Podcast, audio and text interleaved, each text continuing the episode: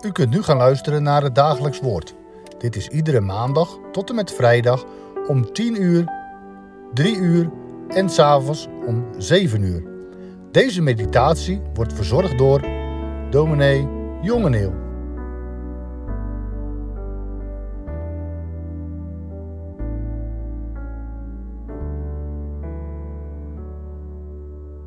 Goedendag luisteraars. Het dagelijks woord van vandaag wordt gevormd door Malachi 3, de versen 6 tot met 12. En ik zal die woorden aan u voorlezen. Want ik, de Heere, ben niet veranderd. U, kinderen van Jacob, bent daarom niet omgekomen. Sinds de dagen van uw vader bent u afgeweken van mijn verordeningen en hebt u ze niet in acht genomen.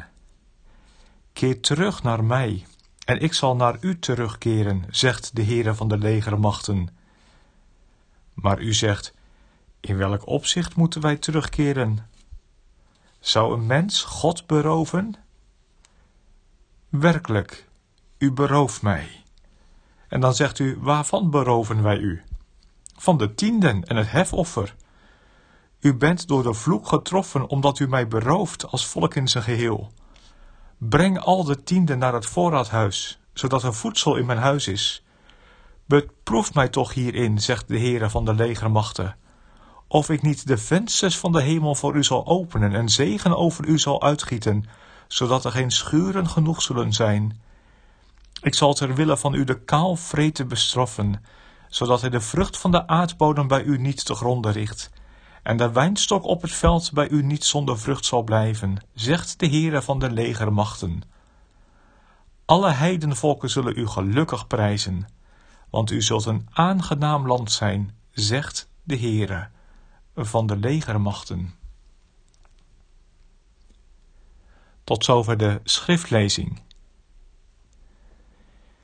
In een krantje stond een aankondiging van een symposium. Ik las het en kreeg direct zin om te gaan. Ik zag het al helemaal voor me. En een paar weken lang droomde ik van een mistige donderdagmiddag in november. In gedachten zag ik mijzelf al door de straten van het dorp aan de dijk gaan. Misschien, misschien zou ik voor of na het symposium even de dijk opgaan om een stukje langs de rivier te wandelen. Maar vooral, vooral zou ik de oude hervormde dorpskerk binnengaan om daar de middag vanuit een stil hoekje mee te maken. En na afloop zou ik door het stille polderland en door de vallende schemer naar mijn ouders rijden, voordat ik de terugreis naar het woelige westen weer aanvaarden zou. Ik heb het over het symposium Tussen Bondes en Barbaren, op donderdag 24 november vorige week, in het dorp Lexmond, ter gelegenheid van de zeventigste verjaardag van de veelzijdige voormalig legerpredikant Dr. John van Eck. Een man die nog aan klassieke theologiebeoefening doet. Daar zijn er niet veel meer van. Helaas kwam er vorige week zoveel dagelijks werk op me af dat ik uiteindelijk geen gelegenheid zag om te gaan.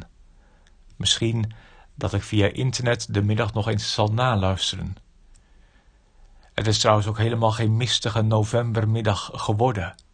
Want we hadden vorige donderdag een stralende middag. Niks, geen grauwe, grijze wereld waarin je heerlijk wegkruipt in een stille hoekje van een oude kerk.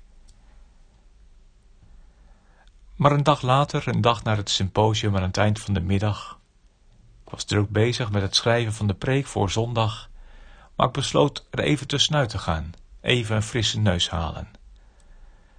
En ik stapte even later op de fiets om even de klip rond te fietsen, met een kleine omweg onderweg, want ik schoot even de ganzenhoek in om daar op een bankje een appeltje te eten. Het begon al te schemeren. In het westen, achter de duinenrij, kleurde de lucht in prachtige tinten. Strak tekenden de bomen zich af tegen de fraaie avondlucht. Op het water van het duinmeer kwaakten en dobberden eenden.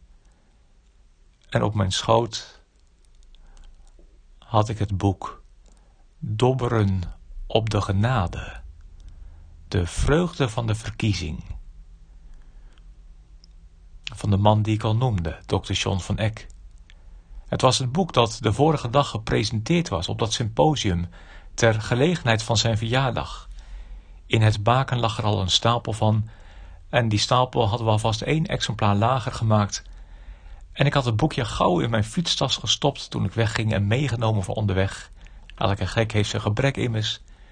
En daar in het duin begon ik te lezen. En ik kreeg meteen de smaak te pakken. Prachtige dingen staan erin. Echt, om zo maar te zeggen, op zijn Ekkiaans. En tegen alle trends en tendensen van kerkelijk Nederland in, waarin meer en meer de menselijke keuzen centraal komen te staan en alles wat wij zouden moeten doen, dwars daartegenin voert dokter Van Eck in het boek in tal van toonaarden het pleidooi om het in de kerk, in prediking en catechese, toch vooral over Gods keuzes te hebben en daaruit te leven. Geloof, zegt hij, ergens op een bladzij, geloof lijkt nu bijna helemaal een zaak van onze keuze te zijn geworden. Maar dan missen we toch ook iets. De verwondering dat God zijn oog op mij, zondaar, heeft laten vallen, terwijl ik dat helemaal niet verdien. De verwondering over Gods genade. De verwondering over Gods keuze.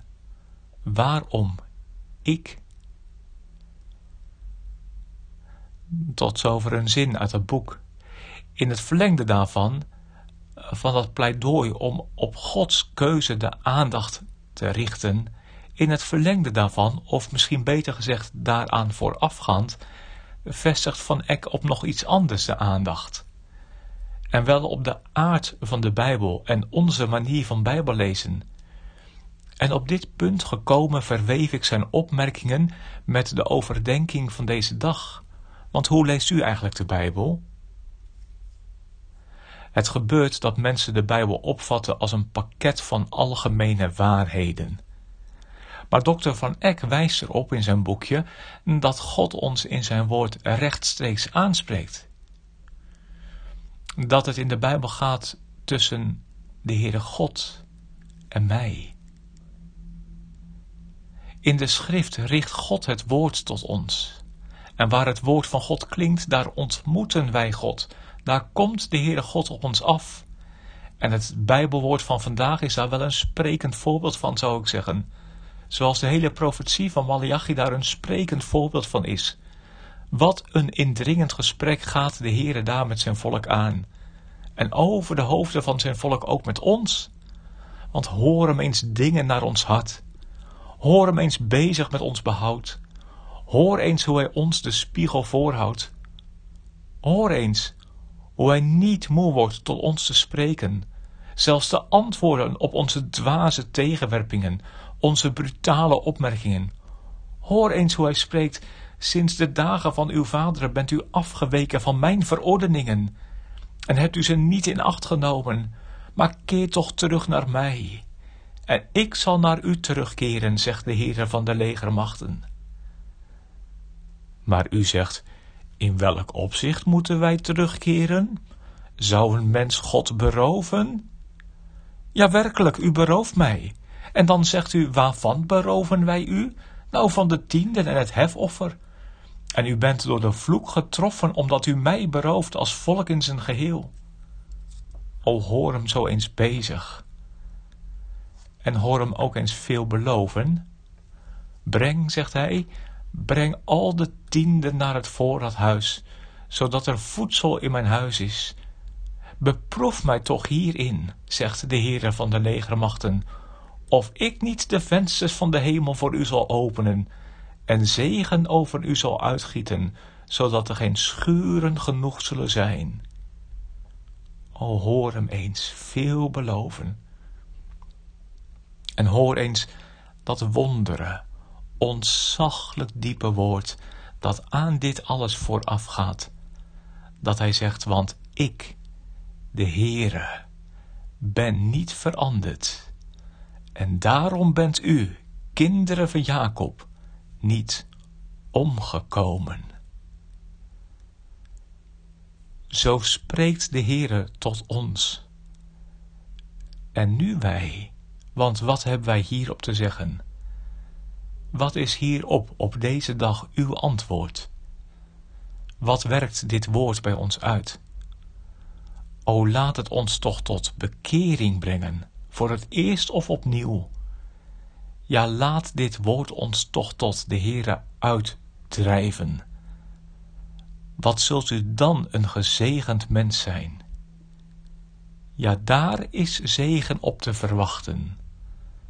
Als de Heere tot ons spreekt en wij geven ons aan Hem over.